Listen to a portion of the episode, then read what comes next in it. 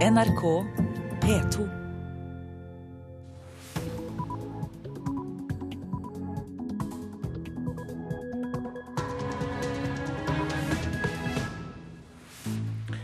Ja, dette er P2s Nyhetsmorgen, og klokka 6.30 tirsdag 24.9 er dette overskriftene. Uenighet blant de rød-grønne. Utsatte nedlegging av CO2-rensing på Mongstad. Giftig røyk fra brann på Økeren i Oslo. Sult rammer Syria. Halvparten av familiene i krigsområdene har for lite mat. Og stadig flere nordmenn har to etternavn. Marit Johanne Halvorsen Berg. Jens Vangen Fogner. Enn Vanja Katja Karkanen Larsen. Og her i studio er programleder med bare ett etternavn, Øystein Heggen.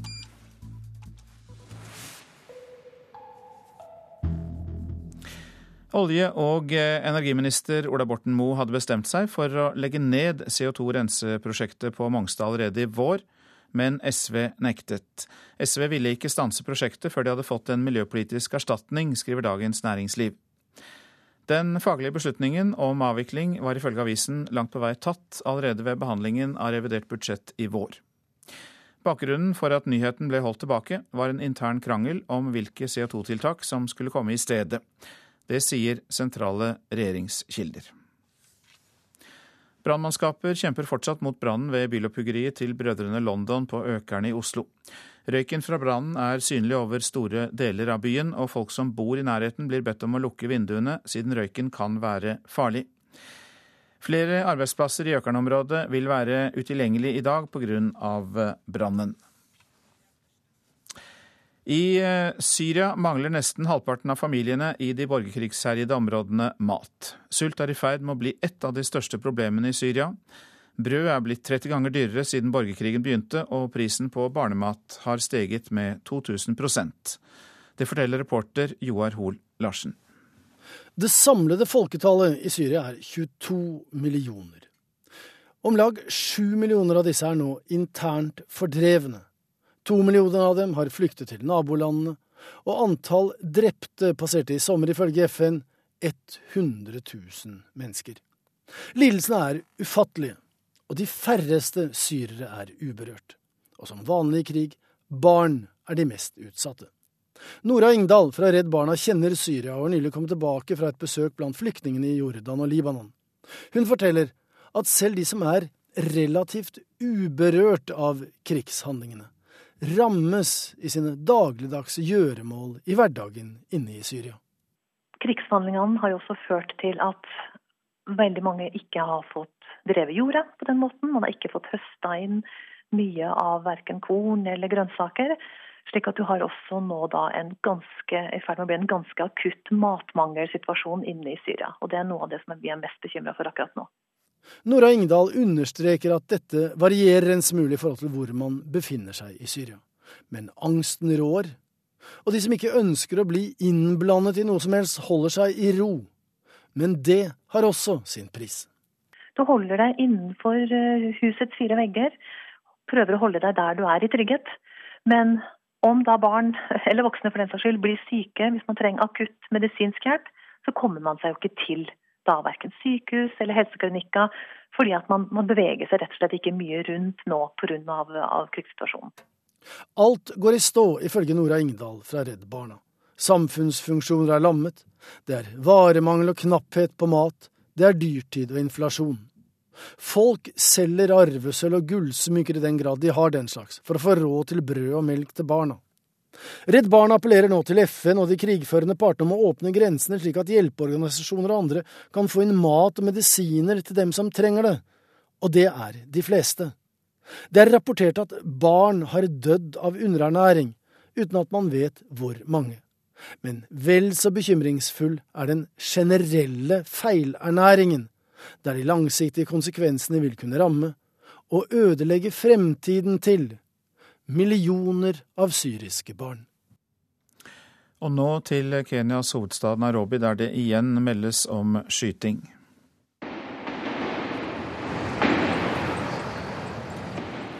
Ja, Denne skytingen kommer fra kjøpesenteret i Nairobi, som altså har vært okkupert av terrorister siden lørdag. Det er flere nyhetsbyråer som melder dette nå. Samtidig har myndighetene sagt at terroraksjonen er over, og at det ikke er flere gisler igjen i kjøpesenteret. Vi har kontakt med deg, Afrikakorrespondent Lars Sigurd Sunnona i Nairobi. Hva vet du om situasjonen? Nei, Myndighetene sier jo også at uh, kjøpesenteret nå blir finkjemmet, som det heter, av uh, spesialstyrker. Og det kan være i forbindelse med denne finkjemmingen at man er kommet over enda en terrorist som kan befinne seg da i et av rommene eller lokalene eller ø, forretningene i, i Westgate-senteret. Men i det store og det hele må vi tro myndighetene når de sier at de nå har kontroll over kjøpesenteret, og at ø, terroraksjonen er i det store og hele over nå. Det har tatt lang tid å få situasjonen under kontroll, eller delvis kontroll, kan vi vel si, etter det vi har hørt nå. Hvordan er reaksjonene på myndighetenes håndtering? Nei, folk i Kenya har først og fremst vært eh, opptatt av å stå samlet mot terrorisme. Dette er jo eh, kenyanernes 22. juli. Det er for tidlig å eh, vente seg full kritikk mot hvordan dette har vært håndtert fra holdt på å si, hærens og politiets side. Lars Sigurd Sunnanå, du følger med på dette for oss. Takk skal du ha i denne omgang. Terroreksperter advarer mot å beskrive denne terrorgruppen som har tatt på seg ansvaret for denne aksjonen i Kenya, altså Al Shabaab, som bare sterk og grusom. Al Shabaab har en profesjonell mediestrategi og har mye å tjene på å bli beskrevet slik. Jeg tror det har vært en veldig profesjonell mediestrategi som har utviklet seg over tid. Og jeg tror det helt essensielle var 2007, hvor Shebab fikk veldig mye hjelp av internasjonale sympatisører til å etablere dette her. Så man begynte å sende ut pressemeldinger internasjonalt. Og så fikk man en del diasporamedlemmer som kom tilbake og begynte å jobbe med det. Og noen av disse må helt klart ha hatt formell medieutdanning. Det sier Somalia-ekspert og en av verdens fremste eksperter på terrorgruppen Al-Shebab, Stig Jale Hansen. Gruppen som siden lørdag har holdt folk fanget i kjøpesenteret Westgate i Nairobi i Kenya, har en egen gruppe som jobber med sosiale medier og egne talspersoner for medier også denne løpende Twitter-kommunikasjonen som er helt grotesk under det som skjedde i Westgate nå, hvor eh, Shebab holdt Twitter-kontoen sin flytende. De visste veldig tidlig, de tok på seg ansvaret, men de gjorde mer enn det. De fortalte om prosedyrer som ble bekreftet ganske tidlig utenfor Shebab, som ble foretatt inne i huset, bl.a. dette å skille ikke-muslimer fra muslimer. Nå advarer Hansen mediene mot å fremstille al-Shebab utelukkende som sterke og grusomme. Og så må de huske på at enkelte ganger når man skriver om at Shebab er grusomme, så går man faktisk Shebab en høy gang. For man på en måte etablerer at denne organisasjonen er sterk. Man gir et image, at det gjør noe. Men det er derfor det er veldig viktig å gjenta at eh, Shebab i dag taktisk sett er veldig svak. Eh, det er ikke sånn at somalierne støtter det generelt lenger, for de har sett igjennom disse, eh, det Shebab har gjort. Og få fram da svakhetene til Shebab, samtidig som dere får fram grusomhetene. Og også paradoksene internt, at det tross alt har vært en del interne stridigheter som er ganske kraftige. Terrorekspert Tore Bjørgo ved Politihøgskolen mener mediene bør være forsiktige med hva de formidler av Al-Shebabs budskap. Dette er et vanskelig dilemma, for dette er jo en viktig hendelse. Og det er et enormt behov for informasjon, fordi at det er veldig mange mennesker som er berørt. Det er mange som har slektninger og bekjente som sitter oppe der og er veldig avhengig av å få informasjon. Så slik sett så har jo mediene et høyst reelt formidlingsoppdrag. Men det er måten man gjør det som er viktig. Altså lar man Går man for langt i å formidle terroristenes budskap? Jeg har sett noen overtramp hvor, hvor det var oppslag i noen av nettavisene om hvordan, eh, hvor, hvor Al Shabaab fikk formidle veldig tydelig hva det var de prøvde å formidle. Og Det syns jeg man går for langt i å spille terroristenes spill.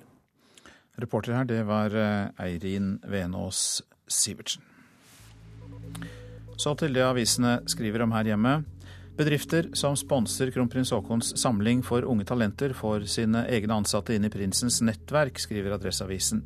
Professor Trond Nordby mener det er en trussel mot demokratiet, fordi kronprinsen skaffer seg en annen rolle enn monarker har hatt tidligere. Narkoselger fra Nord-Afrika utvist fra Norge sju ganger, skriver Aftenposten. Av de 865 utenlandske narkotikaselgerne som er sendt ut av Norge de siste tre årene, kom hver tredje tilbake og ble utvist på nytt. Mindreårige som blir frontet i familiens asylkamp, kan ta skade av det. Det sier både Norsk organisasjon for asylsøkere og Barneombudet til Vårt Land. Organisasjonene ber medier, aktivister og foreldre tenke seg godt om før de gjør barna til symboler i asylsaker. Det som skjedde på Scandinavian Star må undersøkes langt bedre. Det sier kaptein Hugo Larsen til VG. Han gir for første gang et intervju etter skipsbrannen i Skagerrak i 1990, da 159 mennesker omkom. Brevmonopolet står for fall, kan vi lese i Nasjonen. Verken Fremskrittspartiet, Høyre eller Venstre vil at Posten skal beholde sitt monopol på å frakte småbrev, mens KrF ikke har tatt stilling. Postansatte advarer mot dyrere tjenester. Christer Tromsdal går til det han selv kaller en vill krig mot Økokrim. Finansmannen har hyret inn ni advokater, en revisor, en utreder og en dataspesialist for å renvaske seg mot anklager. Det skriver altså Dagens Næringsliv. En tegning av universitetets søyler som står for fall, illustrerer Rune Slagstads bekymring i Klassekampen. Professoren mener fagkunnskap forvitrer, og at styringen av utdanningsinstitusjonene overlates til byråkrater og konsulenter. En varslet tragedie, skriver Dagsavisen om terroren i Nairobi. Kenyanske soldater har lenge slåss mot Al Shabaab i nabolandet Somalia, og gisselaksjonen var en lenge varslet hevn. Over denne veien går det 20 ras årlig, er oppslaget i Bergens Tidende. Fra Odda til Lofthus er det tre mil, men de siste ti årene har strekningen blitt truffet av 200 ras. I Hordaland og Sogn og Fjordane går det to ras hvert døgn. Og gjør et bruktbilkupp, skriver Dagbladet, som omtaler kjøp av familiebiler. Flere frister med billige fotballbilletter. Tromsø følger i Starts fotspor og setter ned billettprisene. Nå kan du få en billett til oppgjøret mellom disse to lagene til bare 50 kroner. Nei, det er klart at I den situasjonen som vi er i nederst på tabellen, så prøver vi å se hvordan vi kan engasjere alle Tromsø-folk eh, for å komme og se på kamp og, og støtte laget nå på søndag. Sier sportssjef i Tromsø, Svein Morten Johansen. På søndag kom det over 10 000 tilskuere på startkamp, da billettene var senket til 50 kroner per person. Nå gjør Tromsø det samme med billettene til den viktige bunnkampen mot nettopp Start. Det er klart at det var en idé som eh, kom eh, også fra, fra Start, og, og, og, vi så at de også dro eh, mange tilskuere på det.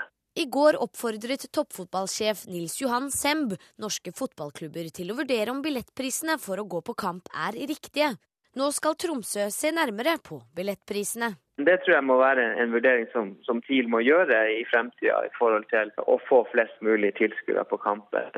Det, det, viktigste er nok hva slags produkt man har, men så er det også det å, å, finne den rette prisen. Men først er det kamp på søndag, og Johansen har allerede begynt å se for seg livet på stadion. Drømmescenarioet er at det sitter stappfullt av folk, og de reiser seg når det er fem minutter igjen og, og, og heier og, og, klapper alle sammen når vi leder, sånn at vi klarer å dra i land eh, en seier. Reporter her, det var Emilie Hall Torp. Dette er eh, Petos Nyhetsmorgen. Klokka den er snart 6.43, og dette er hovedsakene. Det er igjen meldt om skyting i kjøpesenteret i Kenyas hovedstad Nairobi, men samtidig hevder myndighetene at terroraksjonen er over. Det advares mot giftig røyk fra brann på Økeren i Oslo. Folk i området blir bedt om å holde vinduene lukket. Uenighet i den rød-grønne regjeringen utsatte nedlegging av CO2-rensing på Mongstad. Det skriver Dagens Næringsliv.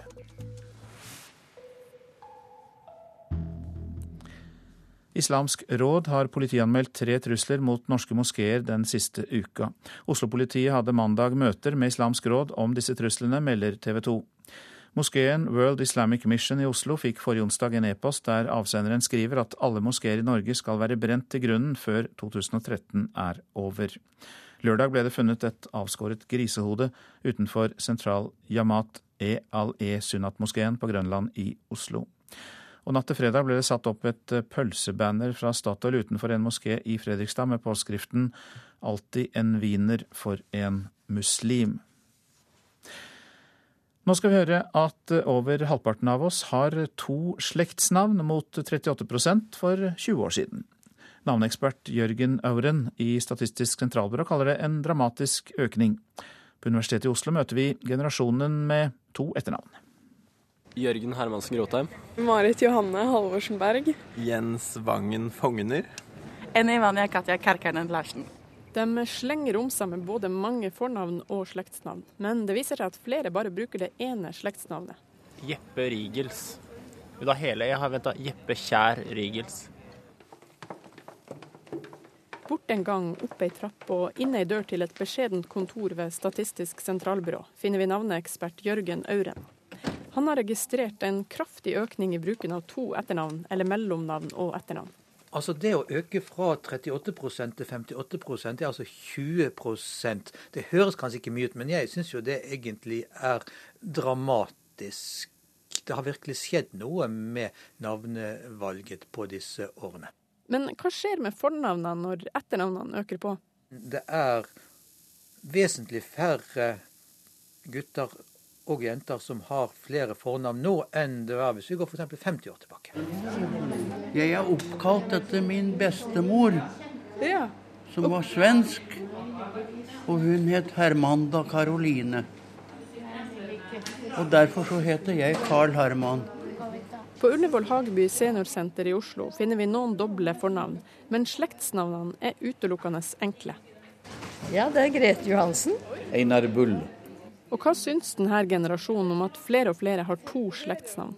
Jeg syns det er helt unødvendig, jeg. Ja, men uh... Jeg syns jo det kan bli litt besværlig når det kommer neste generasjon. Så blir det fire etternavn.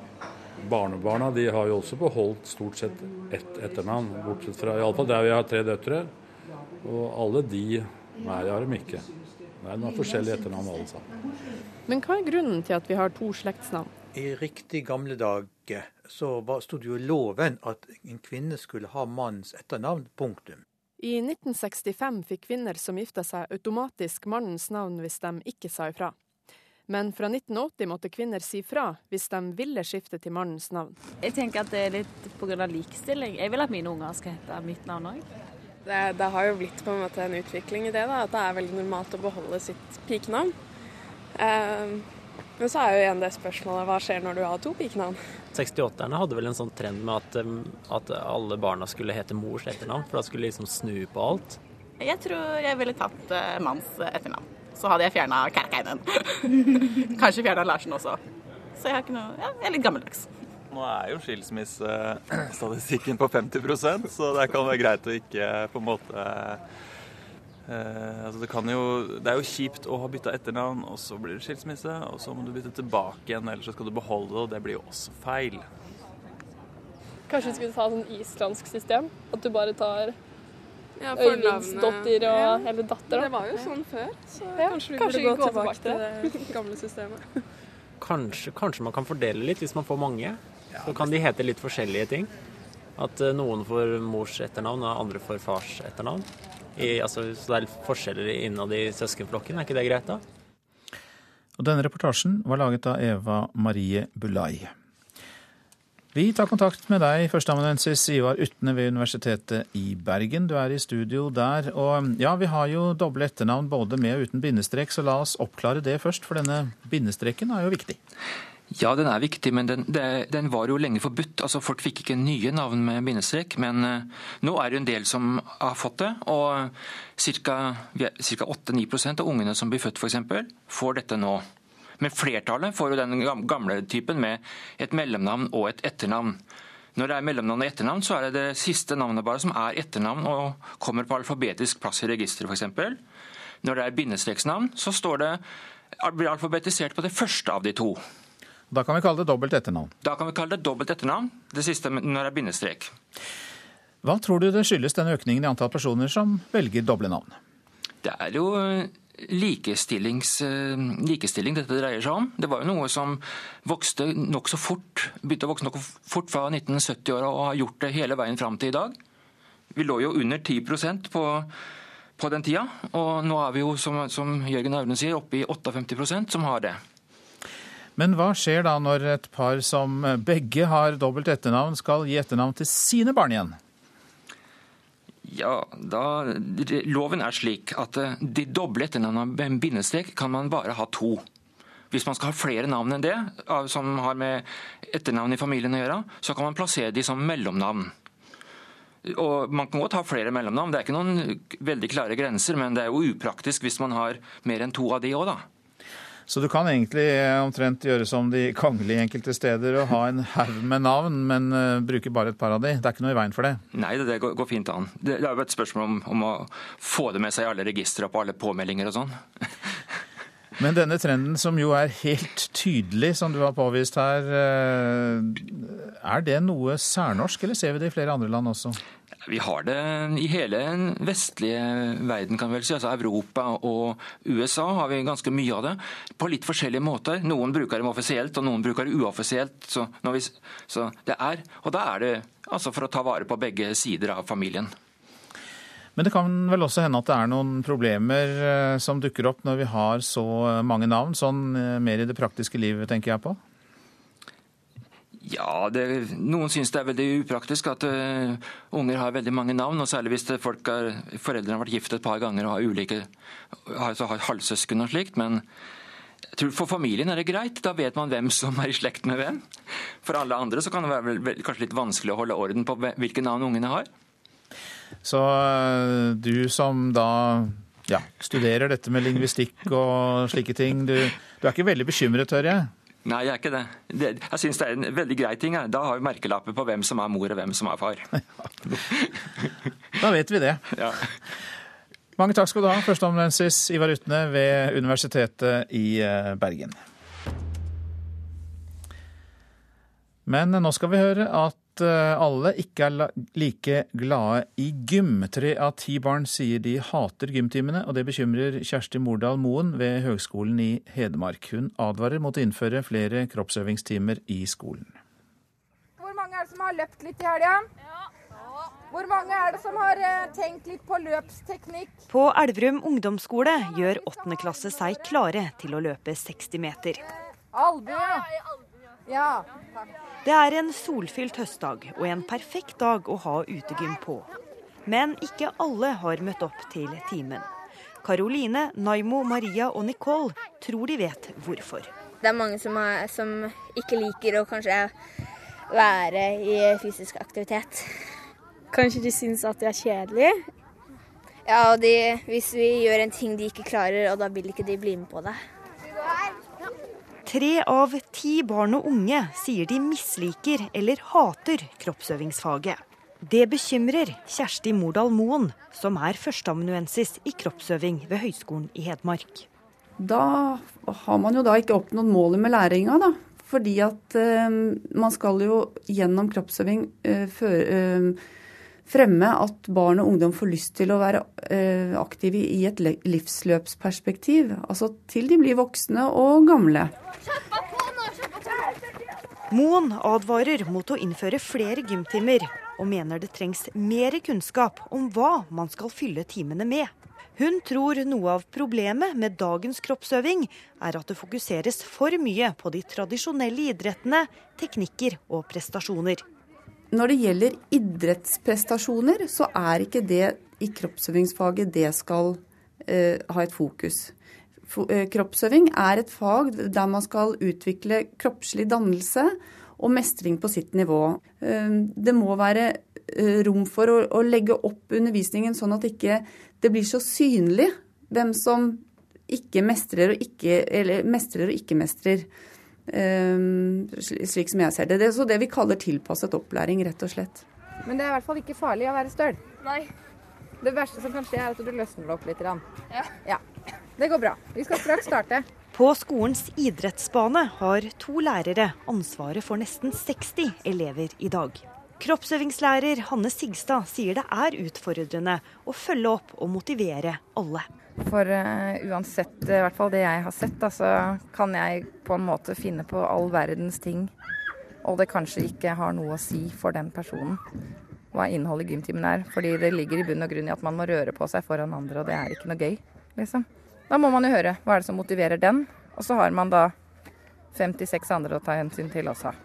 Det er jeg helt sikker på, og det har jeg veldig stor respekt for, de lærerne som jobber ute i skolen. Jeg vet de har mange elever å forholde seg til. Ehm, jeg tror likevel noe av det som alle lærere kan gjøre, og som sikkert mange gjør, det er faktisk å, å snakke med elevene. Hva liker de, hva liker de ikke? Ehm, for å være sikker på at man når alle i løpet av et skoleår. Og Moen får støtte fra åttendeklassejentene. Gjøre ting de liker. Kanskje få inn ideer som alle vil drive med, så kan vi prøve å få det mest mulig til å få det de vil.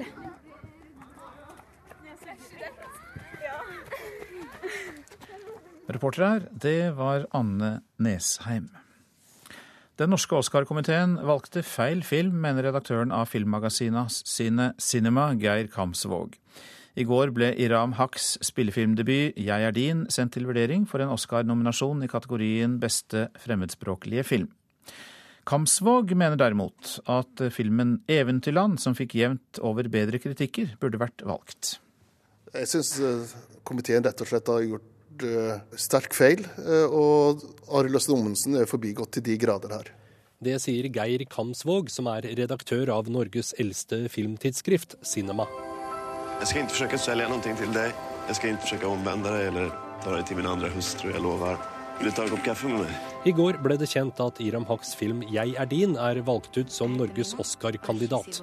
En stygg bommert av den norske Oscar-komiteen, mener Kamsvåg. Det er en helt grei eh, regidebut, som eh, er den svakeste av de tre som eh, da er sluttnominert.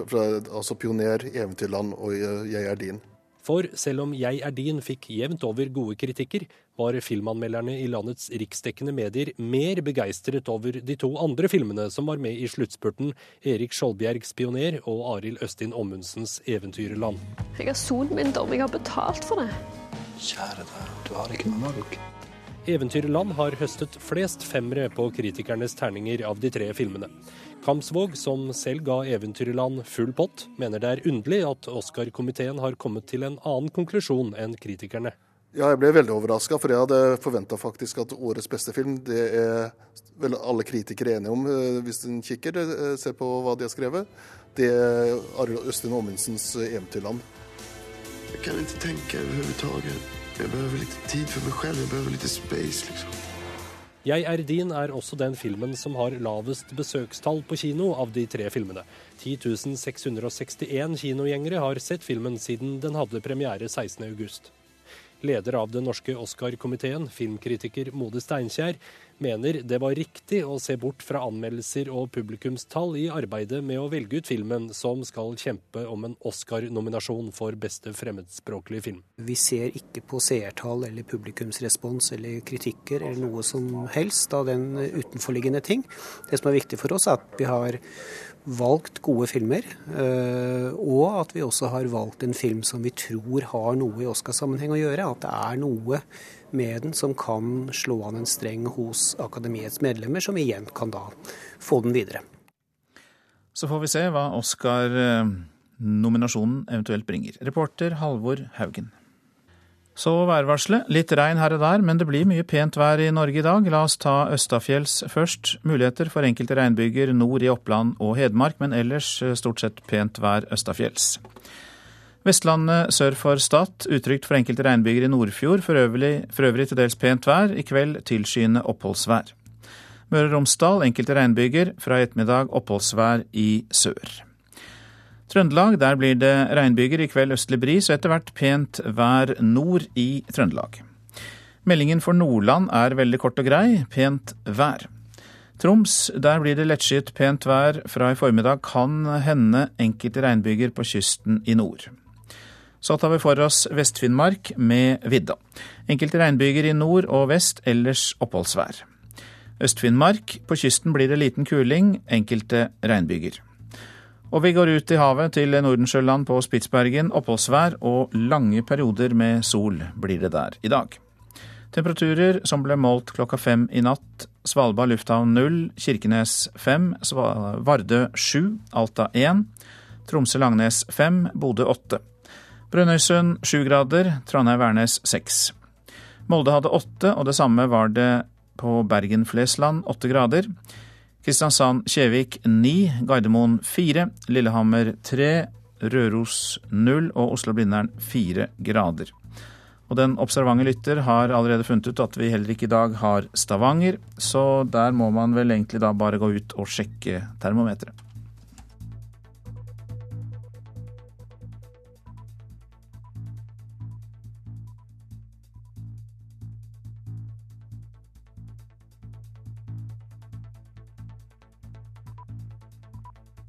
NRK P2.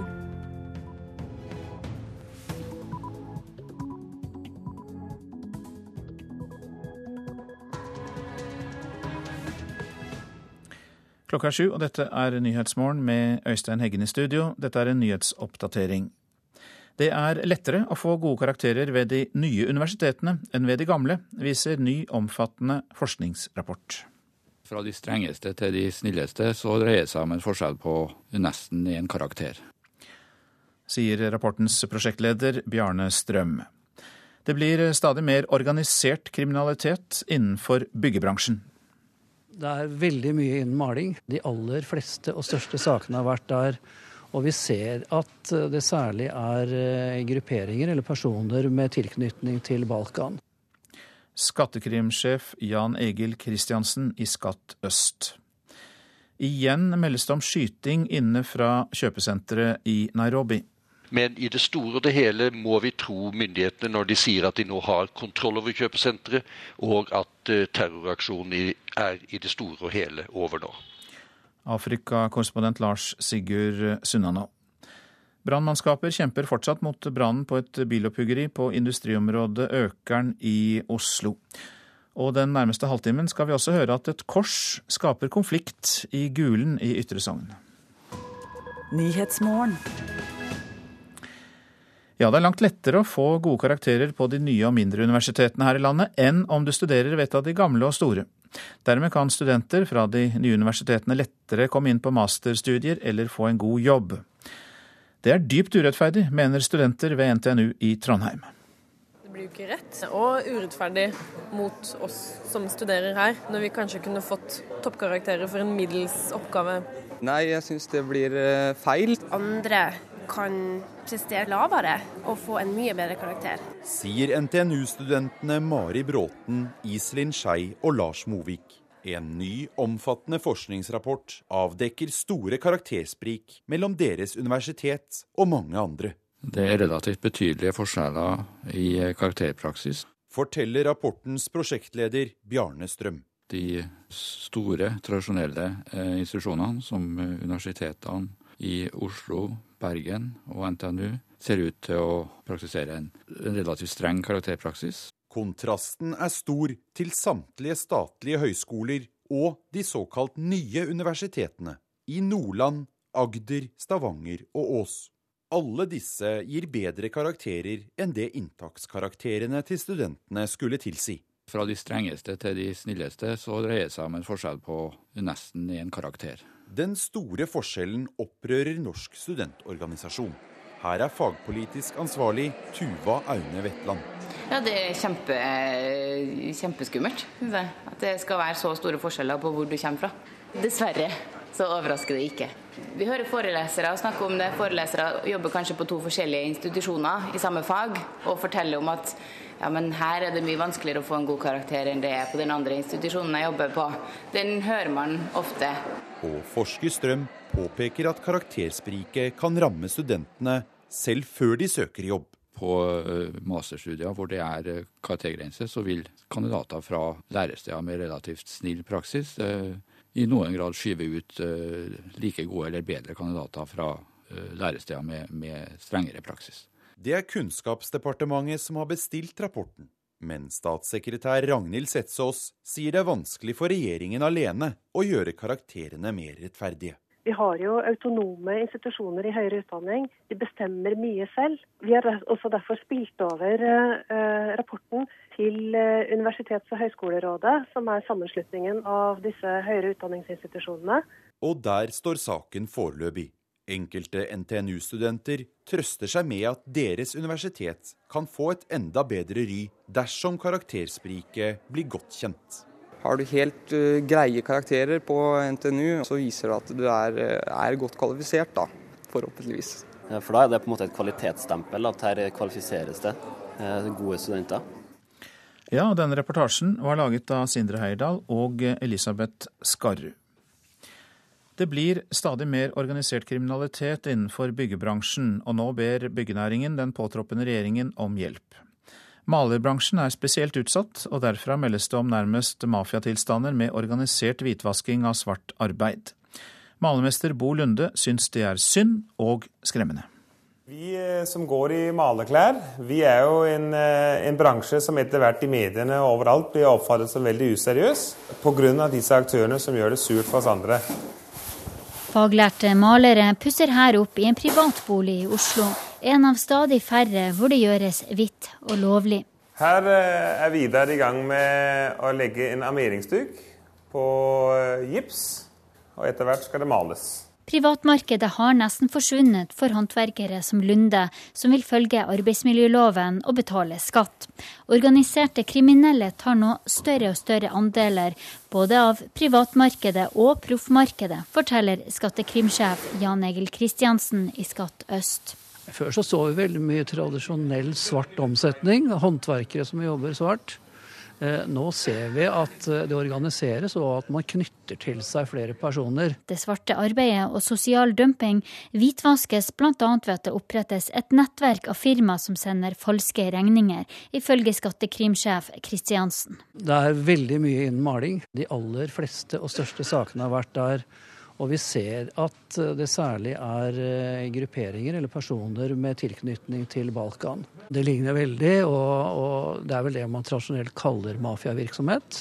Og internasjonalt nå så mener man at eh, de organiserte kriminelle mafiagruppene nettopp går inn der det er økonomisk kriminalitet, fordi både er mer lønnsomt og det er faktisk mindre risikofritt enn f.eks. å smugle og selge narkotika. Byggenæringas landsforening opplever nå en rask forverring, og har sendt brev med bønn om hjelp fra den nye borgerlige regjeringa. De er nødt til å ta byggesituasjonen eh, på alvor og den utviklingen vi ser. For hvis ikke vi gjør det, så vil det undergrave hele den norske samfunnsmodellen. Det sier direktør i BNL Jon Sandnes. Og Der har vi pekt på spesielt to ting. Det er rotfradrag, som skal stimulere forbrukere til å kjøpe hvitt. Og det andre det er å sette krav til kvalifikasjoner for å drive byggenæringen. Men dette brevet er kun ett av mange hundre som de borgerlige får i disse dager når de forhandler om ny regjeringsplattform. Tilbake i malerbransjen frykter malermester Bo Lunde at han har et yrke som kan forsvinne. Nei, jeg syns det er fryktelig trist. Jeg selv har brukt fire år på å bli maler og to år på å bli malermester, og elsker å være i denne bransjen her, men er redd at vi er en utdøende rase hvis det ikke er noen som kommer inn og bidrar snart. Ja, det fryktet malermester Bo Lunde, og reportasjen var laget av Linda Reinholdsen. Forbundssekretær i Fellesforbundet Steinar Krogstad, god morgen til deg. God morgen. Ja, Hva vil du si til folk som kanskje har eh, mafiamalere hjemme i huset sitt? Ja, Én eh, ting er jo at du, har, du kan ha mafiamalere hjemme i huset. Eh, det er en side av saken. Det andre er at vi ser også at du har kalle mafiamalere eller arbeidstakere, bedrifter som er knytta til et kriminelt nettverk, også blant profesjonelle byggherrer, og bl.a. også blant offentlige som, som byggherre.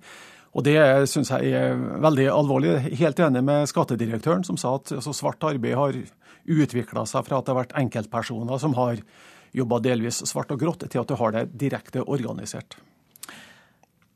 Hvor er problemet størst? Er du enig i at det er innenfor malerbransjen, eller er det mye mer omfattende enn bare det? Nei, altså jeg, jeg, vil ikke henge ut noen spesiell bransje. Vi kjenner til at malebransjen, kanskje spesielt knytta til østlandsområdet Oslo, er ut, utsatt. Men jeg vil si at dette er en det er en vondarta kreftsvulst som nå brer seg i, uh, i hele arbeidslivet, spesielt knytta til byggebransjen, og spesielt knytta til presseområdene. Det høres så ille ut at jeg må spørre hva dere vil gjøre med det. Kan man gjøre noe med det? Ja, vi kan gjøre noe med det. Vi er veldig enige med arbeidsgiversida i forhold til at vi nå må få på plass en krav til faglig kompetanse, faglige kvalifikasjoner. For grunnen til at de ser på byggebransjen bl.a. som en bransje hvor de, kan gå inn og tjene penger, er flere ting. Det ene er at det er høy omsetning av, av penger i det. Det andre er at det er ingen terskel for å komme inn. Eh, og hvis vi hever den terskelen, så vil ganske mange falle ifra.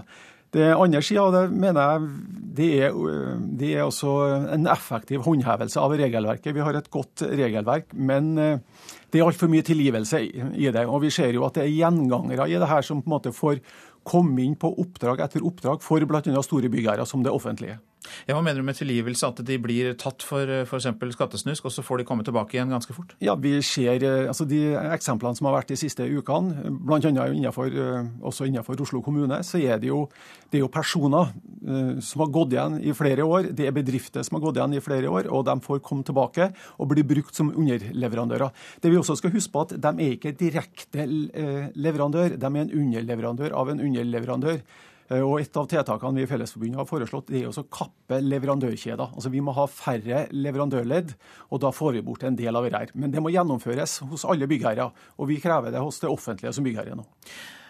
Men pris er jo et spørsmål her. Eh, tror du norske håndverkere kan være villige til å gå noe ned i pris for å kunne klare å konkurrere med de mange som kommer utenfra? Ja, Vi kan godt gå ned i pris, men vi skal ikke gå ned i lønn. Eh, og med det så mener jeg at de er mest konkurransedyktige de, eh, de tvilsomme bedriftene når de får levere en pris per krone. Men må de levere et pris per produkt, altså hvor at du må på en måte bruke din faglige kompetanse for å drive effektivt, da har de ingen sjanse. Men er det kaotiske plasser, og oppdragsgiver bare etterspør laveste pris per time, ikke, ikke i forhold til produksjon, så er det klart at da taper norske håndverkere. Men ikke, ikke på produktiviteten vår. Nei, men hva med kvaliteten? Mener du at eh, de norske er bedre til å konkurrere på kvalitet enn de som kommer utenfra? Ja, helt klart. Altså, jeg, vil ikke, jeg, vil ikke, si at det er norske kontra utenlandske, men jeg vil si at der du har krav om faglige kvalifikasjoner, eh, så konkurrerer vi på det. Helt klart. Blir dere med arbeidsgiverne i denne henvendelsen til den nye regjeringen om det som skal gjøres, hva som må gjøres her? Vi er helt enige med arbeidsgiverne i forhold til faglige kvalifikasjoner. Det er det vi er. Vi er nok ikke så begeistra for dem i forhold til det rotfradraget de ønsker. Hva, hva går det ut på? Nei, Det er en svensk modell hvor at du får et, fra, et fradrag når du måtte bruke håndverkertjenester i hjemmet. Vi ser nok det litt mer som eh, subsidiering av høytlønte, folk som da har den største effekten av det. Men det viktigste er faglige kvalifikasjoner, og det er også en effektiv håndhevelse av regelverket. Å få kutta leverandørkjedene hvor det svarte arbeidet skjer nedi. Takk skal du ha, Steinar Krokstad, som er forbundssekretær i eh, Fellesforbundet. Dette er Petos Nyhetsmorgen. Klokka passerte nettopp 7.12, og vi har disse hovedsakene. En undersøkelse viser at det er lettere å få gode karakterer ved de små og nye universitetene enn ved de eh, gamle og store.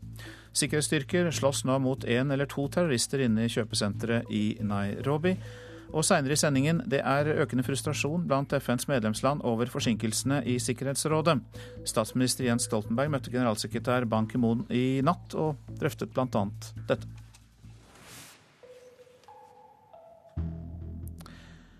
Igjen så meldes det om skyting inne fra kjøpesenteret i Nairobi som har vært okkupert av terrorister siden lørdag. Samtidig har myndighetene sagt at de har kontroll over situasjonen, og at det ikke er flere gisler igjen i kjøpesenteret. Afrikakorrespondent Lars Sigurd Sønna, du er med oss fra Nairobi. Hva er situasjonen nå?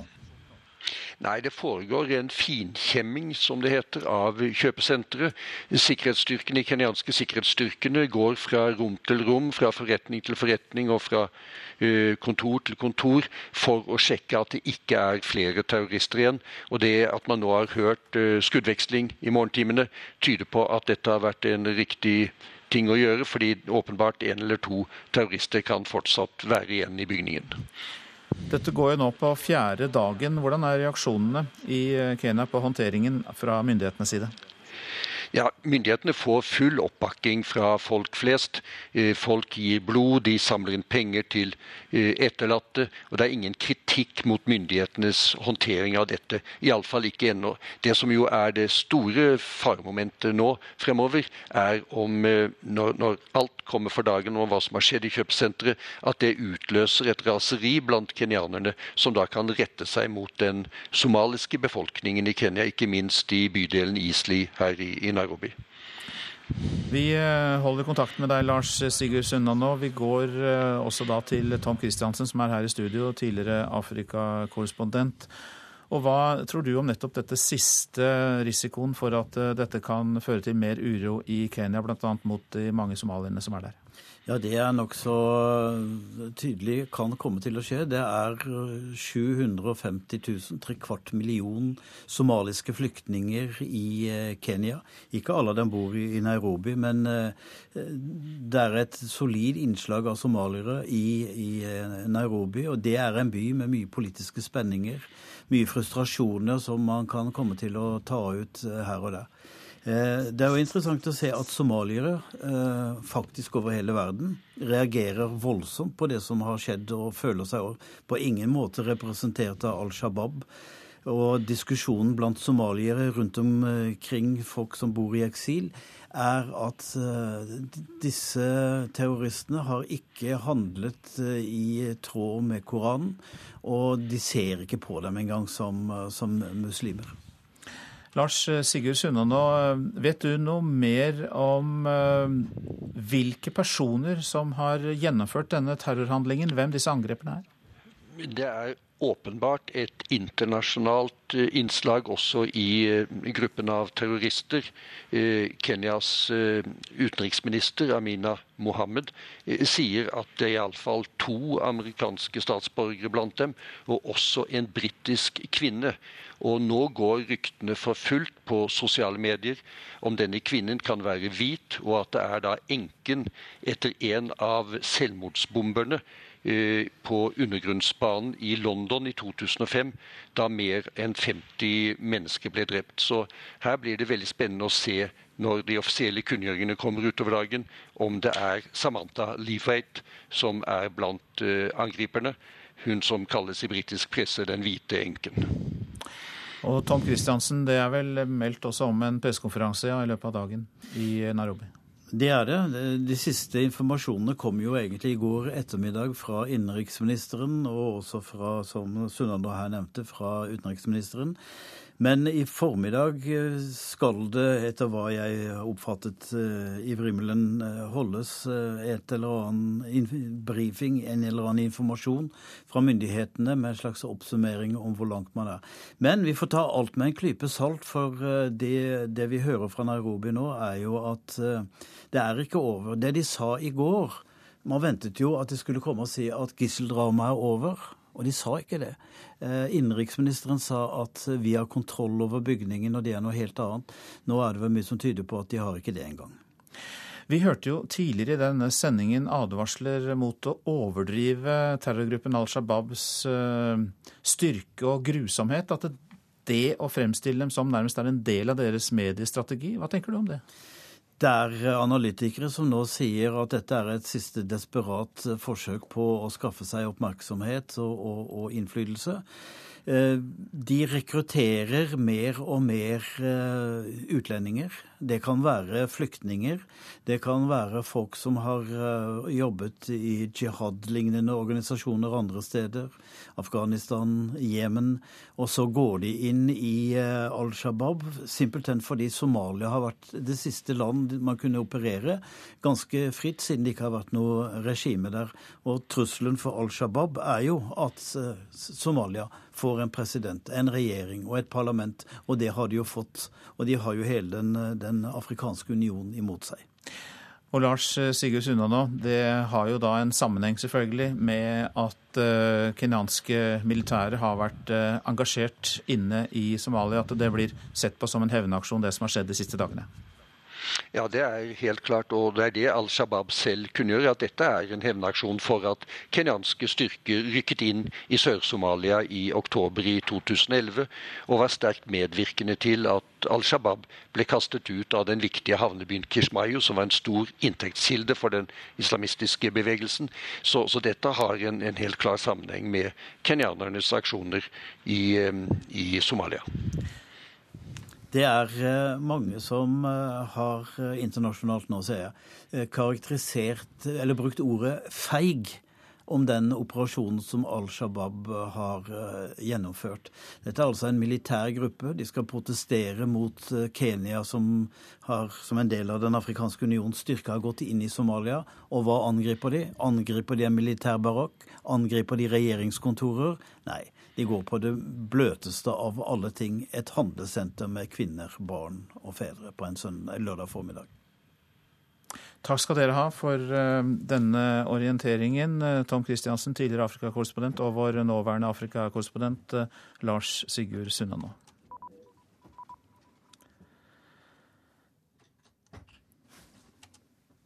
Ti personer, blant dem en seks år gammel jente, ble skutt og drept i Mexico i helgen, opplyser myndighetene. Gjerningsmennene åpnet ild mot rundt 30 personer som eh, feiret i et hus i, by, i en by etter en baseballkamp. Blant de døde var det åtte menn, en kvinne i tillegg til eh, seksåringen. Enda et register over romfolk er oppdaget hos politiet i Skåne, skriver Dagens Nyheter. Dette registeret består av 997 personer, ifølge den svenske avisen. Også dette registeret er det mange barn i, 106 av dem er under ti år. Etter mandagens avsløringer av en database med over 4000 romfolk, benekter politiet i Skåne at uh, fantes registre. Enkelte navn skal finnes i begge registrene.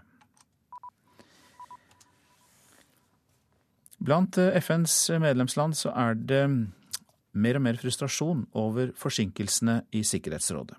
Syria-konflikten dominerer diskusjonene på FNs toppmøte denne uka, men det er fortsatt uklart når det kan bli et vedtak om å fjerne Syrias kjemiske våpen. Det sier statsminister Jens Stoltenberg, som er der.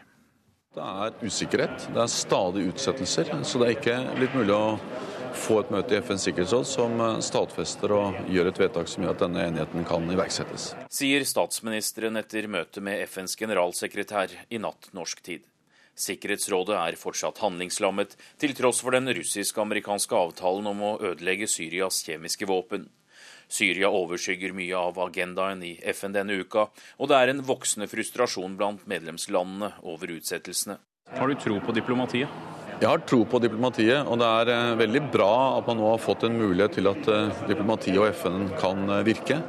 Og Får man gjennomført en avtale om å ødelegge Syrias kjemiske våpen, så er det viktig i seg selv. Men det vil også være begynnelsen på en politisk dialog om å løse selve Syria-konflikten. Desto mer alvorlig er det at det nå er utsettelser.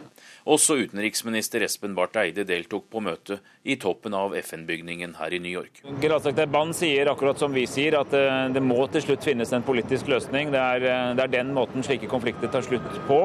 Eh, og da må man lage rammene for det. Man må sørge for at partene faktisk vil møtes. og Det har vært litt av problemet nå.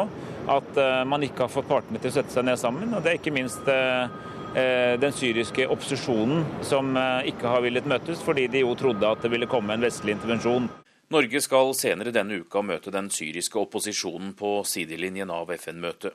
Også USAs utenriksminister og hans russiske kollega skal møtes senere i dag for å se hvordan de kan bli enige om en tekst eller et vedtak i Sikkerhetsrådet som ikke kan oppleves som et grønt lys for USA til å gå til militærangrep mot Syria dersom regimet bryter avtalen.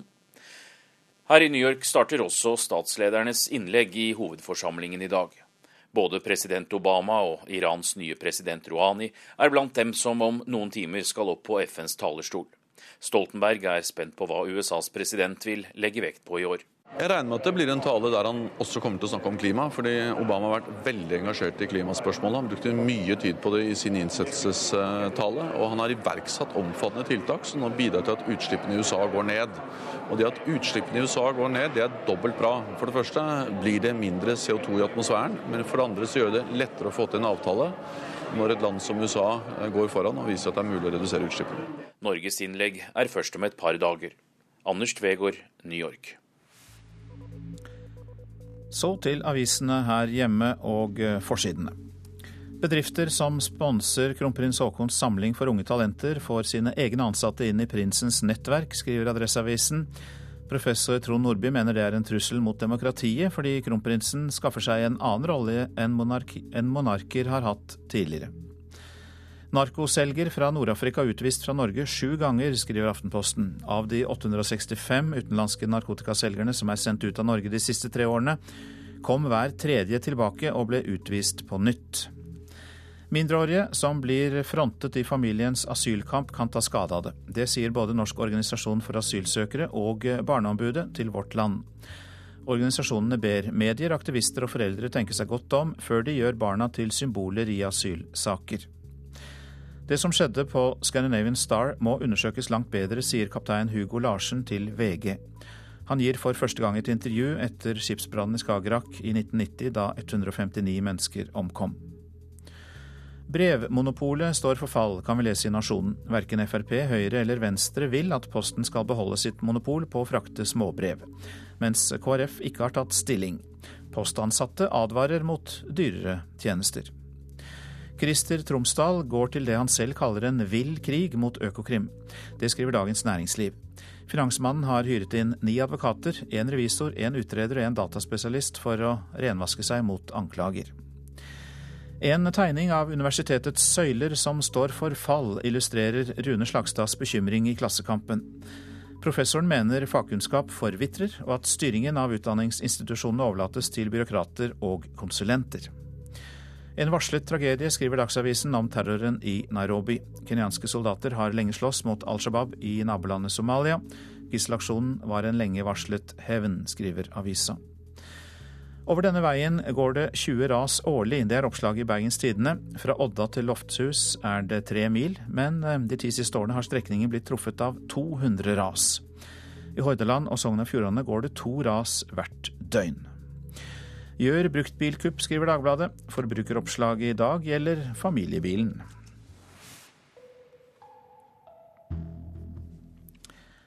Et eh, kors skaper konflikt i Gulen i Ytre Sogn. Ikke alle lokalpolitikerne liker at de kulturhistoriske samlingene i Bergen vil ha dem til å sette opp en kopi av et ødelagt steinkors utenfor kirkegårdsmuren i Eivinnvik. I en sånn sammenheng da er det viktig, etter min oppfatning, da, at eh, krossen blir stående ved kirka på sin opprinnelige sted, om enn som kopi. Alf Tore Hommedal ved de kulturhistoriske samlingene i Bergen har ei klar oppfordring til politikerne i Gulen. Lag en kopi av den ødelagte steinkrossen og sett den opp utenfor kirkegårdsmuren i Eivindvik, der den gamle sto. Hommedal mener krossen har stor kulturhistorisk verdi, ikke bare i seg sjøl, men like mye i sammenheng med en annen stor kross like ved, som til sammen har ramma inn det som kan ha vært det historiske Gulatinget. Da kan han spille opp mot den andre krossen, og han kan spille opp mot amfiet, naturlige amfiet, som en, i den steinen regner med der at uh, Gulatinget ble holdt. I starten av september vedtok kommunestyret i Gulen å garantere for det det vil koste å reparere steinkrossen. En prislapp som kan komme på inntil 550 000 kroner. Bekymringa har nemlig vært stor etter at det nesten 1000 år gamle kulturminnet ble skada i fjor vår, da det skulle felles noen tre rundt kirkegården. Krossen skal takast vare på i kommunen og skal være synlig for folket. Det er politikerne samde om. Men å sette opp en kopi Jeg skjønner argumentasjonen, men føler ikke det er rett. Varaordfører Arve Mjømen i Høyre er skeptisk. Foreløpig har ikke noen sånn veldig sterke positive tanker om akkurat det. Og Det er fordi at en kopi er en kopi, og når vi skal ta vare på den originalen en plass, så øh, føler jeg at det er riktigere å være veldig konsentrert om det som er originalen. Per nå så liker jeg ikke kopier. Ja, Det er nå riktig at en kopi vil være en kopi. Sier Odd Harald Per Eide i Gulen Ap. At det vil stå en kross der som det har gjort i tusen år, det, det synes jeg er viktigere enn at om det er en kopi eller er det noe annet og den originale fremdeles er tilgjengelig for publikum å se. I utgangspunktet har jeg lyst til at eh, den eh, skal repareres på stedet, og at den autentiske krossen skal kunne stå akkurat der han, han i, har stått tidligere. Sier Senterpartiordfører i Gulen, Halvard Oppedal. Men ei slik løysing advarer både de kulturhistoriske samlingene i Bergen og fylkeskonservatoren i Sogn og Fjordane sterkt imot. Krossen må være innomhus for å hindre ytterligere skader og slitasje.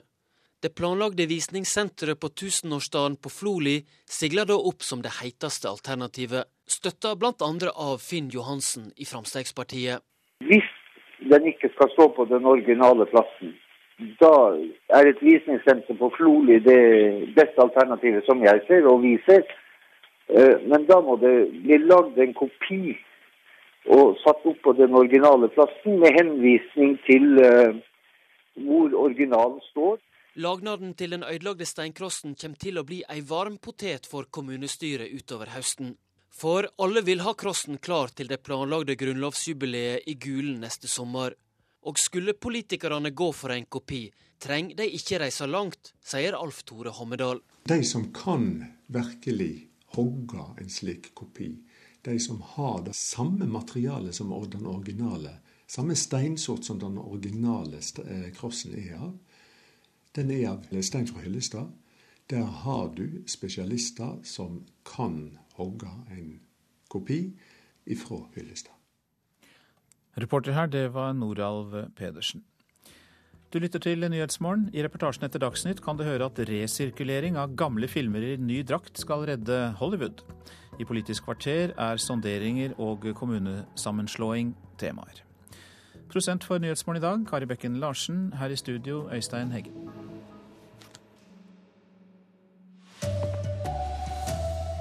Det er igjen skyting på kjøpesenteret i Nairobi i Kenya. Studenter ved nye universiteter gir gode karakterer, mens de gamle er langt strengere. Bonde Tusvik og Tufte Johansen, halve Norge har nå to etternavn. Her er NRK Dagsnytt klokken 7.30. Ja, Sikkerhetsstyrkene har i morgentimene skutt mot én eller to terrorister som er funnet i en av de øverste etasjene i kjøpesenteret i Nairobi i Kenya. Westgate Mall har vært okkupert av terrorister helt siden lørdag ved lunsjtider. Samtidig har myndighetene sagt at de har kontroll over situasjonen, og at det ikke er flere gisler igjen inne på kjøpesenteret. Afrikakorrespondent Lars Sigurd Sunnanå, hvordan er situasjonen? Nei, Det skjer nå hva som kalles finkjemming av kjøpesenteret. Og det er under denne finkjemmingen at uh, sikkerhetsstyrkene da har kommet over flere uh, terrorister, etter at de i løpet av natten har skutt uh, seks av dem. Har sikkerhetsstyrkene kontroll? Ja, De sier det at de nå har full kontroll over kjøpesenteret, og at hele dramaet nå i det store og det hele er over. Men det er tillyst en pressekonferanse senere i formiddag, og da vil det bli gitt en skikkelig status over hvordan operasjonen har gått frem til nå. Vet vi mer om hvem terroristene er?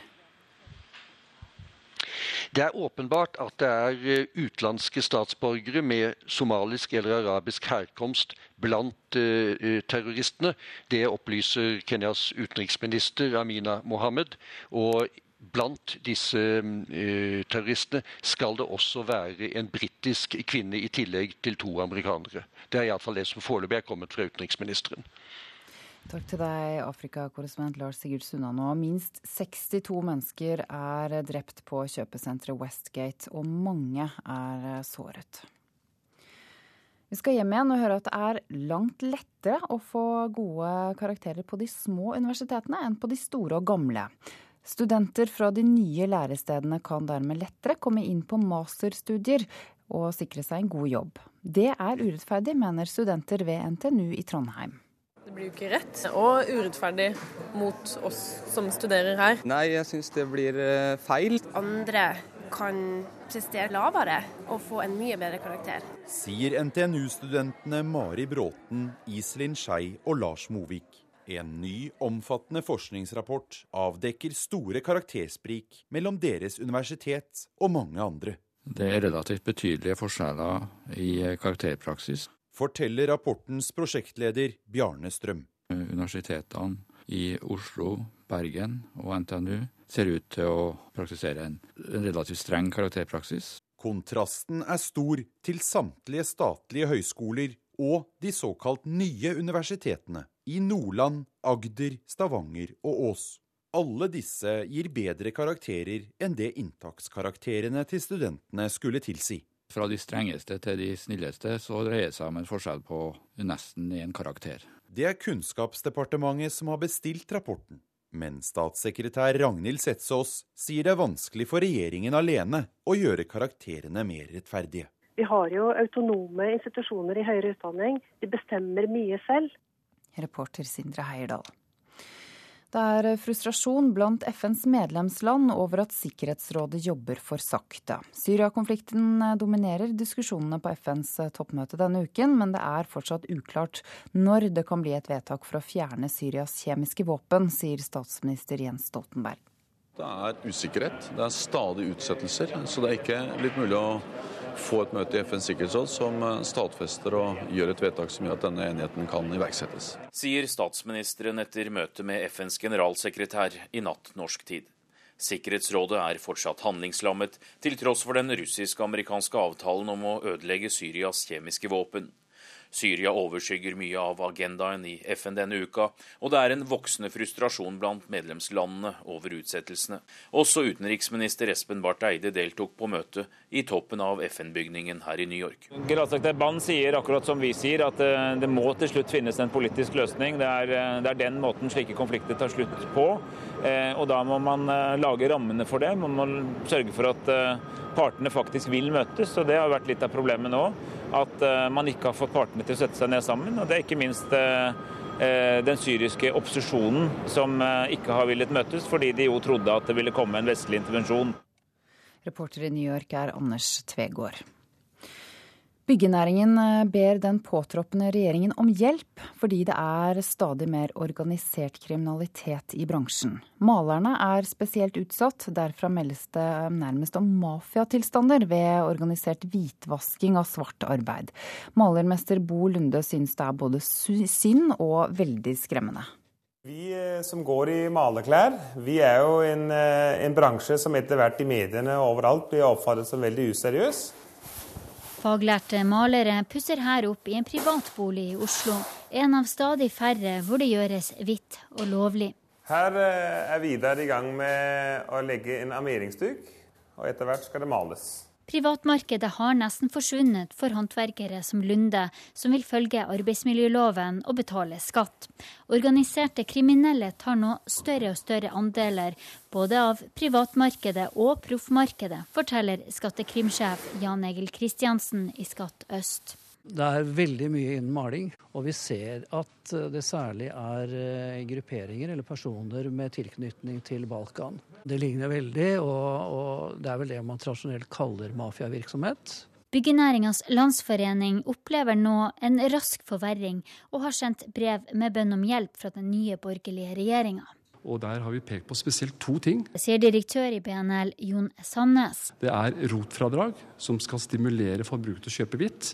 Og det andre det er å sette krav til kvalifikasjoner for å drive byggenæringen. Tilbake i malerbransjen frykter malermester Bo Lunde at han har et yrke som kan forsvinne. Nei, jeg syns det er fryktelig trist. Jeg selv har brukt fire år på å bli maler og to år på å bli malermester, og elsker å være i denne bransjen her, men er redd at vi er en utdøende rase hvis det ikke er noen som kommer inn og bidrar snart. Reporter her var Linda Reinholdsen. I dag har nesten 60% av oss to slektsnavn. Giftermål fører oftest til at kvinnen får et ekstra navn, og når barna kommer til, så får de ofte både mors og fars etternavn. Men slik var det ikke før. Inger Eliassen. Ja, Arne Linja. Ja, det er Grete Johansen. På Ullevål Hageby seniorsenter i Oslo er det langt mellom de lange navnene. Men bare en kort sykkeltur unna, i høstsola på universitetet, møter vi en helt annen navnegenerasjon. Marit Johanne Halvorsen Berg. Per Ivar Målstad Andresen. Ene Ivania Katja Karkanen Larsen. Altså, I min verden så er en økning på 20% et veldig stort tall.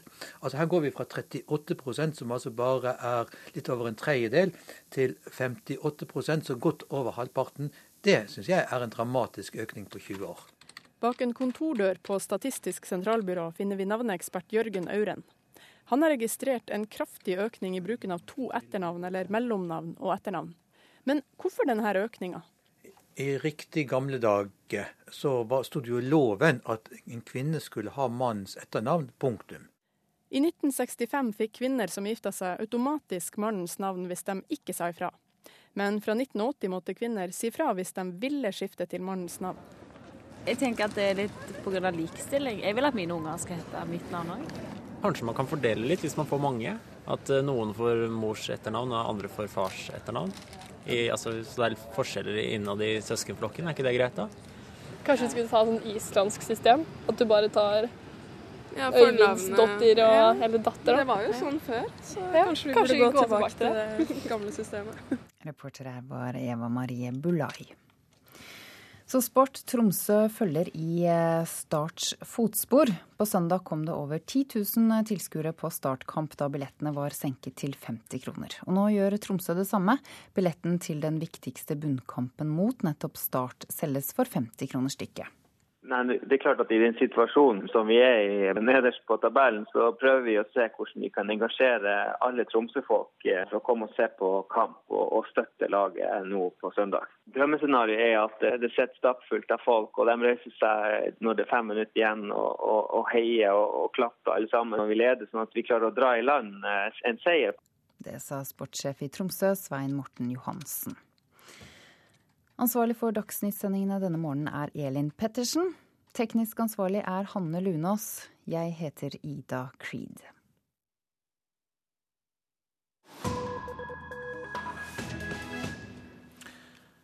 Hollywood sliter, skal vi høre om i Nyhetsmorgen nå. For eh, folk ser nemlig film alle andre steder enn på kino. Et eh, mottrekk fra USAs eh, berømte senter for filmproduksjon er å modernisere og resirkulere gamle triumfer. Som de har gjort med den 75 år gamle suksessen 'Trollmannen fra Os'.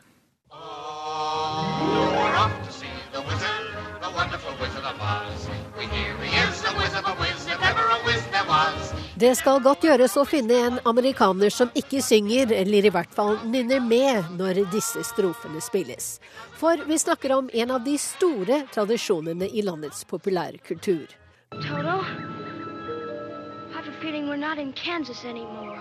Trollmannen fra Os handler om bondejenta Dorothy som blir slått bevisstløs under en tornado.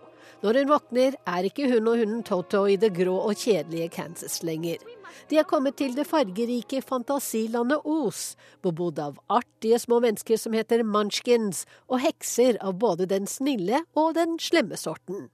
Men den naive Dorothy, i 16 år gamle Judy Garlands skikkelse, tror nok det er best å komme seg hjem igjen til trygge omgivelser. Hun får beskjed om å følge den gule teglsteinstien til Smaragdbyen. Kanskje kan den allmektige trollmannen av Os hjelpe henne. Follow the yellow brick road. Follow the yellow brick road.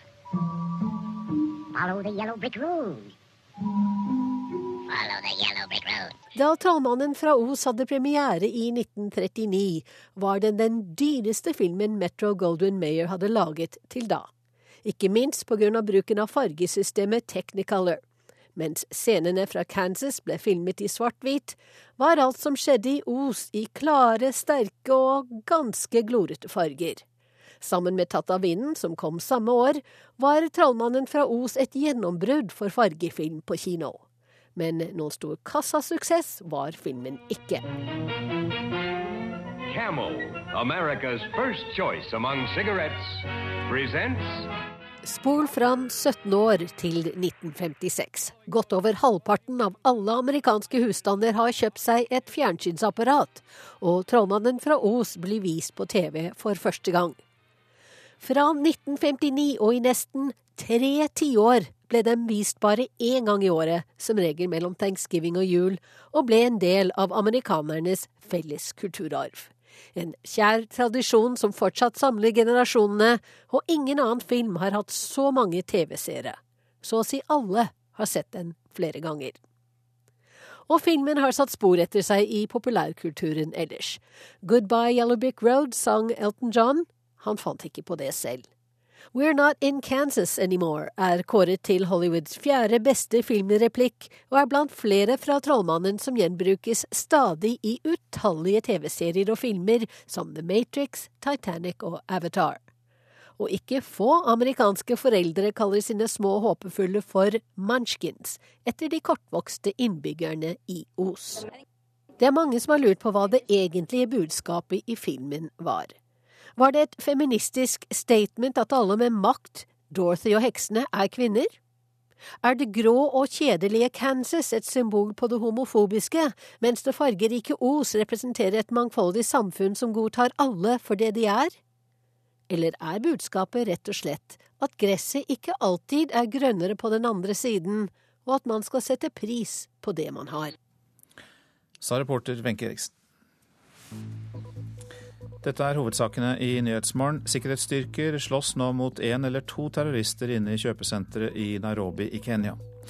Det er store sprik i karaktersettingen mellom universitetene. Det er lettere å få gode karakterer på de nye universitetene her i landet enn ved et av de gamle og store. Byggenæringen ber den påtroppende regjeringen om hjelp for å få bukt med den organiserte kriminaliteten i bransjen.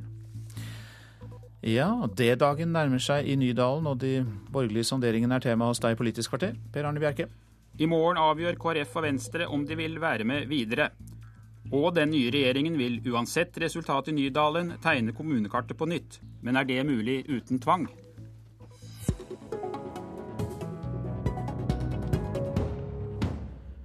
Avgjørelsens time nærmer seg i Nydalen. I morgen ettermiddag får vi vite om alle de borgerlige partiene vil være med videre i forhandlingene, eller om det er noen som velger å hoppe av. Reporter Lars Nehru Sand, du har fulgt sonderingene fra første dag. Hva slags fase er samtalene mellom partilederne nå inne i? Dette er den viktigste dagen i Nydalen. Først og fremst fordi det er i dag de fire partiene for alvor setter seg ned og prioriterer saker. Både gjennomslag, smertegrenser, problemavklaringer og større prioriteringer har man kun definert, snakka om frem til nå, men i dag må man for alvor konkludere. Sent i går kveld så snakka jeg med flere i KrF som sa at de venter fortsatt på viktige avklaringer for, på flere av, av KrF sine hjertesaker og krav. Og de er de som har tettest på Knut Arild Hareide som partileder kunne også fortelle meg at de leser hans egne resonnementer nå sånn at han selv fortsatt er i tvil personlig om hva som tjener KrF best.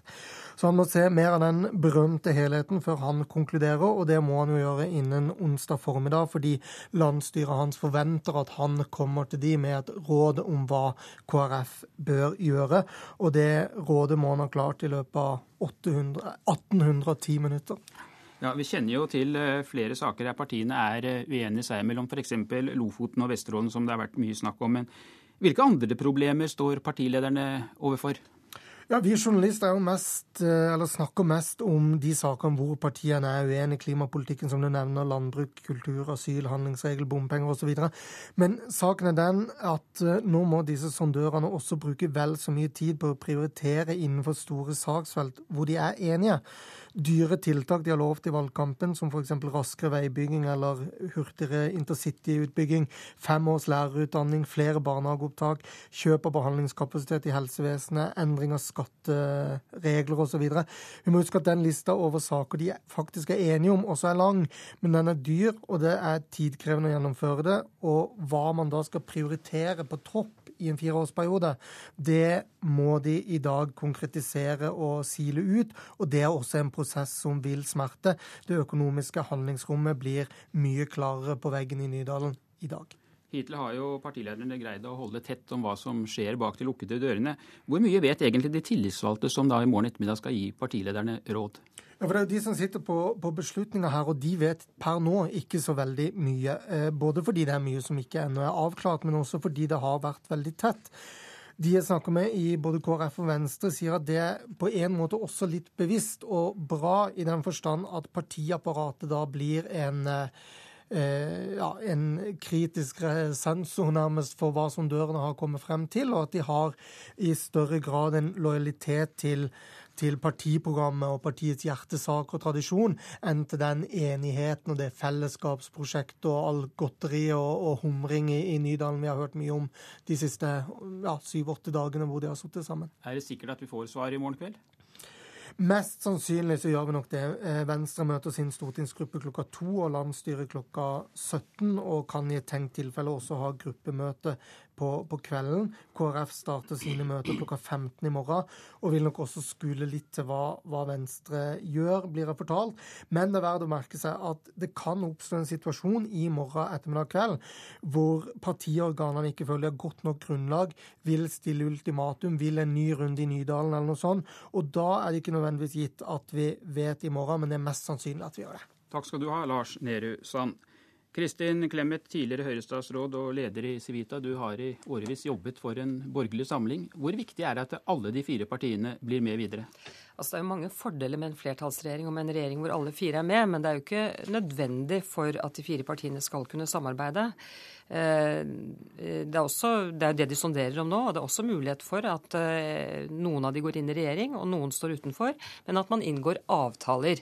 Eh, og Erna Solberg har vært ganske klar på dette hele tiden, at hun mener at de partiene som eventuelt ikke går med i regjering, også skal kunne få innflytelse. Og det de på en måte gir tilbake da, er stabilitet, forutsigbarhet, flertall. Ja, hva slags samarbeidsavtaler ser du da for deg? Det vet vi jo ikke nå, men det kan både være om, eh, om, eh, generell støtte, men det kan også være at eh, det her gis innflytelse på selve politikken, og at det er på enkelte spørsmål blir avklart også mellom de partiene som eventuelt skal sitte i Stortinget, og de som skal sitte i regjering. Og vi har jo sett eksempler på den typen samarbeid mellom regjeringspartier og stortingspartier før, f.eks. den første delen av Willoch-regjeringens periode. Det endte jo med at den gangen KrF og Senterpartiet gikk inn i regjering etter et par år, inn i Willoch-regjeringen. Men et annet godt eksempel er jo Oslo. Her har vi også et parlamentarisk system, et byråd, en regjering. Og de borgerlige har jo styrt i 16-17 år, men det har variert hvem, hvilke partier som har sittet i regjering, altså i byrådet, og hvilke partier som har vært støttepartier utenfor byrådet. Men de som har vært støttepartier, har også hatt innflytelse på politikken. Ja, men Hvilke sjanser er det for at eh, sentrumspartiene i løpet av fireårsperioden kan orientere seg mer mot Arbeiderpartiet, dersom du da skulle velge å ikke bli med i regjeringen og være støttepartier, som du sier, i Stortinget? Jeg tror sjansen er relativt liten, fordi de har gitt et krystallklart løfte til velgerne om at et borgerlig eller ikke-sosialistisk flertall skal gi en borgerlig eller ikke-sosialistisk regjering. Så da må de eventuelt gå til valg i neste periode eh, på et annet alternativ. Jeg tror kanskje sjansen er større for at Senterpartiet orienterer seg mer i borgerlig retning i årene som kommer. Hvilke tips vil du gi når vi ser resultatet i morgen kveld? Du sitter ikke helt på utsiden? Eh, nei, jeg tør ikke også tippe, men jeg tror eh, definitivt ikke det er avgjort. Takk skal du ha, Kristin Clemet.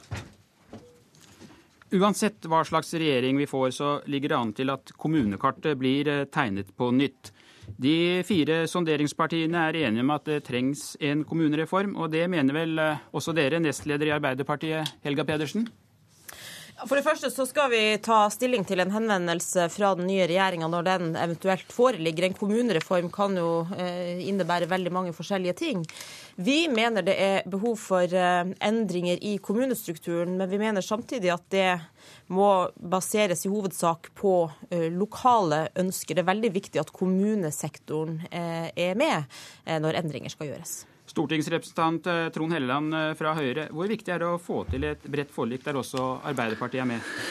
Altså, Hvis en skal gjøre en stor kommunereform, så tror jeg det å ha et bredt politisk flertall eh, bak den er viktig, sånn at det ikke er noe som blir reversert fra en periode til en annen om flertallet skulle skifte. Så det er en åpen invitasjon fra de som nå sitter og sonderer til Stortinget om å begynne å diskutere dette. Hva innholdet skal være, hvordan vi skal gå fram osv. Det blir også en del av en sånn eh, invitasjon til å diskutere det. Et av distriktene der det er aktuelt å slå sammen kommuner, er på Nedre Romerike. Og For å gi en liten illustrasjon. Står du på midtlinja på Strømmen stadion og sparker nordover, så havner ballen i Skedsmo kommune. Snur du deg rundt og skyter mot det andre målet, så skårer du i Lørenskog. Og skulle du ha et litt dårlig skuddbein og sende ballen utover sidelinja, så havner den hos deg, ordfører Ræringen Øyvind Sand. Så her er det kanskje til tid nødvendig å se på kommunegrensene, eller hva mener du? Ja, nå må, For det første må vi begynne å slei, slutte å sleivsparke ballen på Strømmen stadion. Men eh, når det, når det, er sagt, så tror jeg ikke de fysiske kommunegrensene er poenget. Poenget er eh, om kommunene er bærekraftige i forhold til at de kan gi eh, et godt tjenestetilbud. Og så er det en annen ting, og det er nærheten mellom befolkningen og det eh, politiske og administrative beslutningsnivået. Og det, det er avhengig av, eh, av eh, at kommunene fungerer. Og det gjør de jo på Nedre Romerike. Så jeg, jeg, jeg, kan godt eh, være med å diskutere kommunegrenser. Men, eh, men eh, noe tvang eh, fra, eh, fra, Helga Pedersen eller Trond Helleland, det, det, det, skal jeg ha meg frabedt. Ja, Helleland, nå hører du hva ordføreren sier. Hvordan skal du få til dette her uten å bruke tvang, tror du? Nei, men Jeg tror han eh, har veldig rett i én ting, nemlig at vi har mange velfungerende kommuner. Det vi ønsker å legge opp til, er jo å gi kommunene enda større muligheter til å drive holdt på å si, godt demokratiarbeid og drive gode lokale tjenester med høy kvalitet. Så det å tilføre kommunene kommunene flere oppgaver, og samtidig foreta en gjennomgang av hvilke oppgaver forventer at en kommune skal kunne klare å løse på egen hånd. I dag ser vi jo et utall av interkommunale selskap osv. som i og for seg er greit nok, men eh, det er jo med på å svekke demokrati i den betydning at eh, det er gjerne rådmannen eller ordføreren som har oversikt over det som skjer i disse interkommunale selskapene, og kommunestyret blir mer fjernt og befolkningen blir mer fjern fra det. Så jeg tror det å ha en oppgavereform er det som eh, vil være utgangspunktet for en kommunereform, nemlig å se på hva kan kommunen gjøre, og hva bør kommunen gjøre. Men Helga Pedersen, for å holde oss litt til med, eh, med, tvang. Du har tidligere sagt at dersom tre av fire kommuner ønsker å slå seg sammen, så skal ikke den fjerde få ødelegge. Står du fast ved det? Ja, det står jeg fast ved. Men avviser du tvang ellers? Vi mener at uh, skal du gjøre endringer i kommunestrukturen, skal du uh, for å gjøre kommunen bedre i stand til å gi velferdstjenester, uh, ha en god beredskap og ikke minst styrke lokaldemokratiet, så må du ha kommunene med på laget.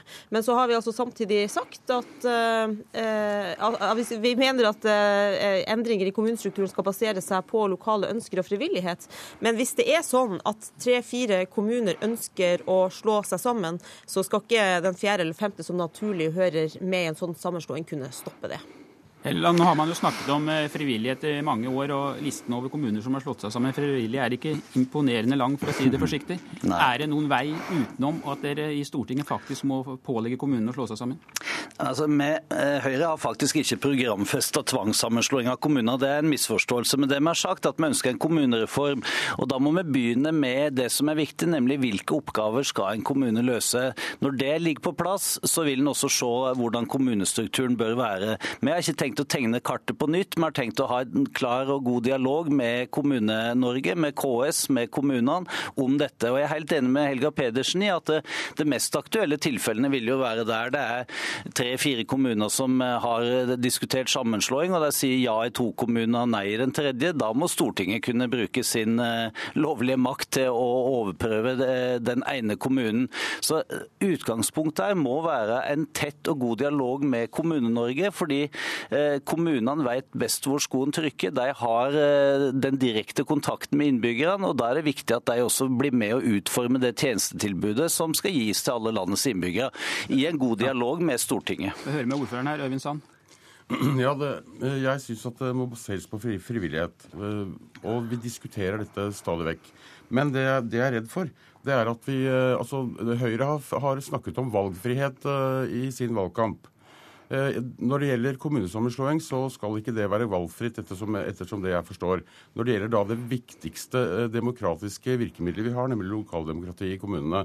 Det andre jeg er veldig redd for, det er at man får en overføringsmodell på, eh, til, av penger til kommunene og tjenester som gjør at noen kommuner blir sultefora og blir tvunget til å bli sammenslått.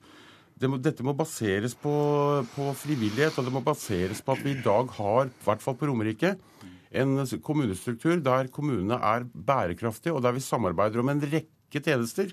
Og også når det gjelder interkommunale selskapene, så eh, man kan si eh, hva man vil om det. Jeg, jeg kan også stille spørsmålstegn ved det. Men på, Romerike har vi, på Nedre Romerike har vi billig vann. Vi har veldig billig eh, avløp, vi har billige eh, avfallsordninger, og vi, har, vi, ligger i det hele tatt veldig godt an. Og det er det befolkningen bryr seg om. Eh, Helga Pedersen, Hva er det egentlig som skal ligge til grunn for å slå sammen kommunene? Er det folketall, eller er det antall kvadratkilometer, eller hva er det egentlig dere ser for dere? Nei, jeg tror, jeg tror, ikke man kan gå inn i en diskusjon om kommunestrukturen og si at du skal ha et visst antall kommuner i Norge, eller at du skal ha et visst antall kvadratkilometer som skal være innholdet i en kommune. Norge er et veldig mangfoldig land. Geografien og topografien i Norge kan du ikke uh, gjøre noe med. Finnmark vil være et fylke med lange avstander uansett. Det vil det også være uh, øverst i, eller innerst i, i Hedmark. Så skal man gjøre noe med kommunestrukturen, så må jo hensikten være å ha bedre tjenester til innbyggerne, et mer eh, robust barnevern, en god beredskap, og at kommunene er i stand til å utføre alle de mer og mer spesialiserte tjenestene vi forventer at de skal eh, utføre. Trond, Trond Helland, Hvilke kriterier mener du skal ligge til grunn når dere nå skal i gang med å slå sammen kommuner? For det er jo det den regjeringen, ja. partiet ditt, eh, ønsker å gjøre. Nei, altså Jeg ser jo konturene her av mulig, et mulig samarbeid i Stortinget om dette, når Helga Pedersen sier det å gjøre, fordi det er nettopp den tanken tankegangen Høyre og de partiene som sonderer også har, nemlig det er tjenestene og utgangspunktet er hvilke tjenestetilbud kan en kommune eh, gi. Eh, nå har vi ønska å avvikle fylkeskommunen, og da vil det være naturlig at eh, f.eks. de videregående skolene ble overført til robuste, sterke kommuner. Men, men det viktigste er faktisk å diskutere nettopp innholdet i kommunens tilbud, og det å styrke barnevernet sånn at en får et robust barnevern, det å ha gode helse- og omsorgstjenester tjenester med kvalitet. og Det som en veldig ofte glemmer når en snakker om dette, er jo at eh, det er jo kompetansen og fagligheten hos det ansatte som må være det viktigste for å utvikle gode tilbud. og Da trenger du robuste fagmiljø, og det får du hvis du har noe større enheter. Eh, Øyvind Sand, ordfører for Arbeiderpartiet Rælingen. Når du skal eh, kjøre hjem i dag, så kan du velge å kjøre en vei og gjennom en bestemt rundkjøring hvor du krysser tre kommunegrenser i løpet av 30 sekunder. Hvor lenge tror du de nåværende kommunegrensene i ditt distrikt kommer til å bestå? Det er vanskelig å svare på, men eh, de består eh, fortsatt. Og jeg tror de kommer til å bestå en, eh, en stund til, for vi har gode tjenester i de kommunene. Takk skal dere ha, og det var Politisk kvarter med Per Arne Bjerke. Hør flere podkaster på nrk.no podkast.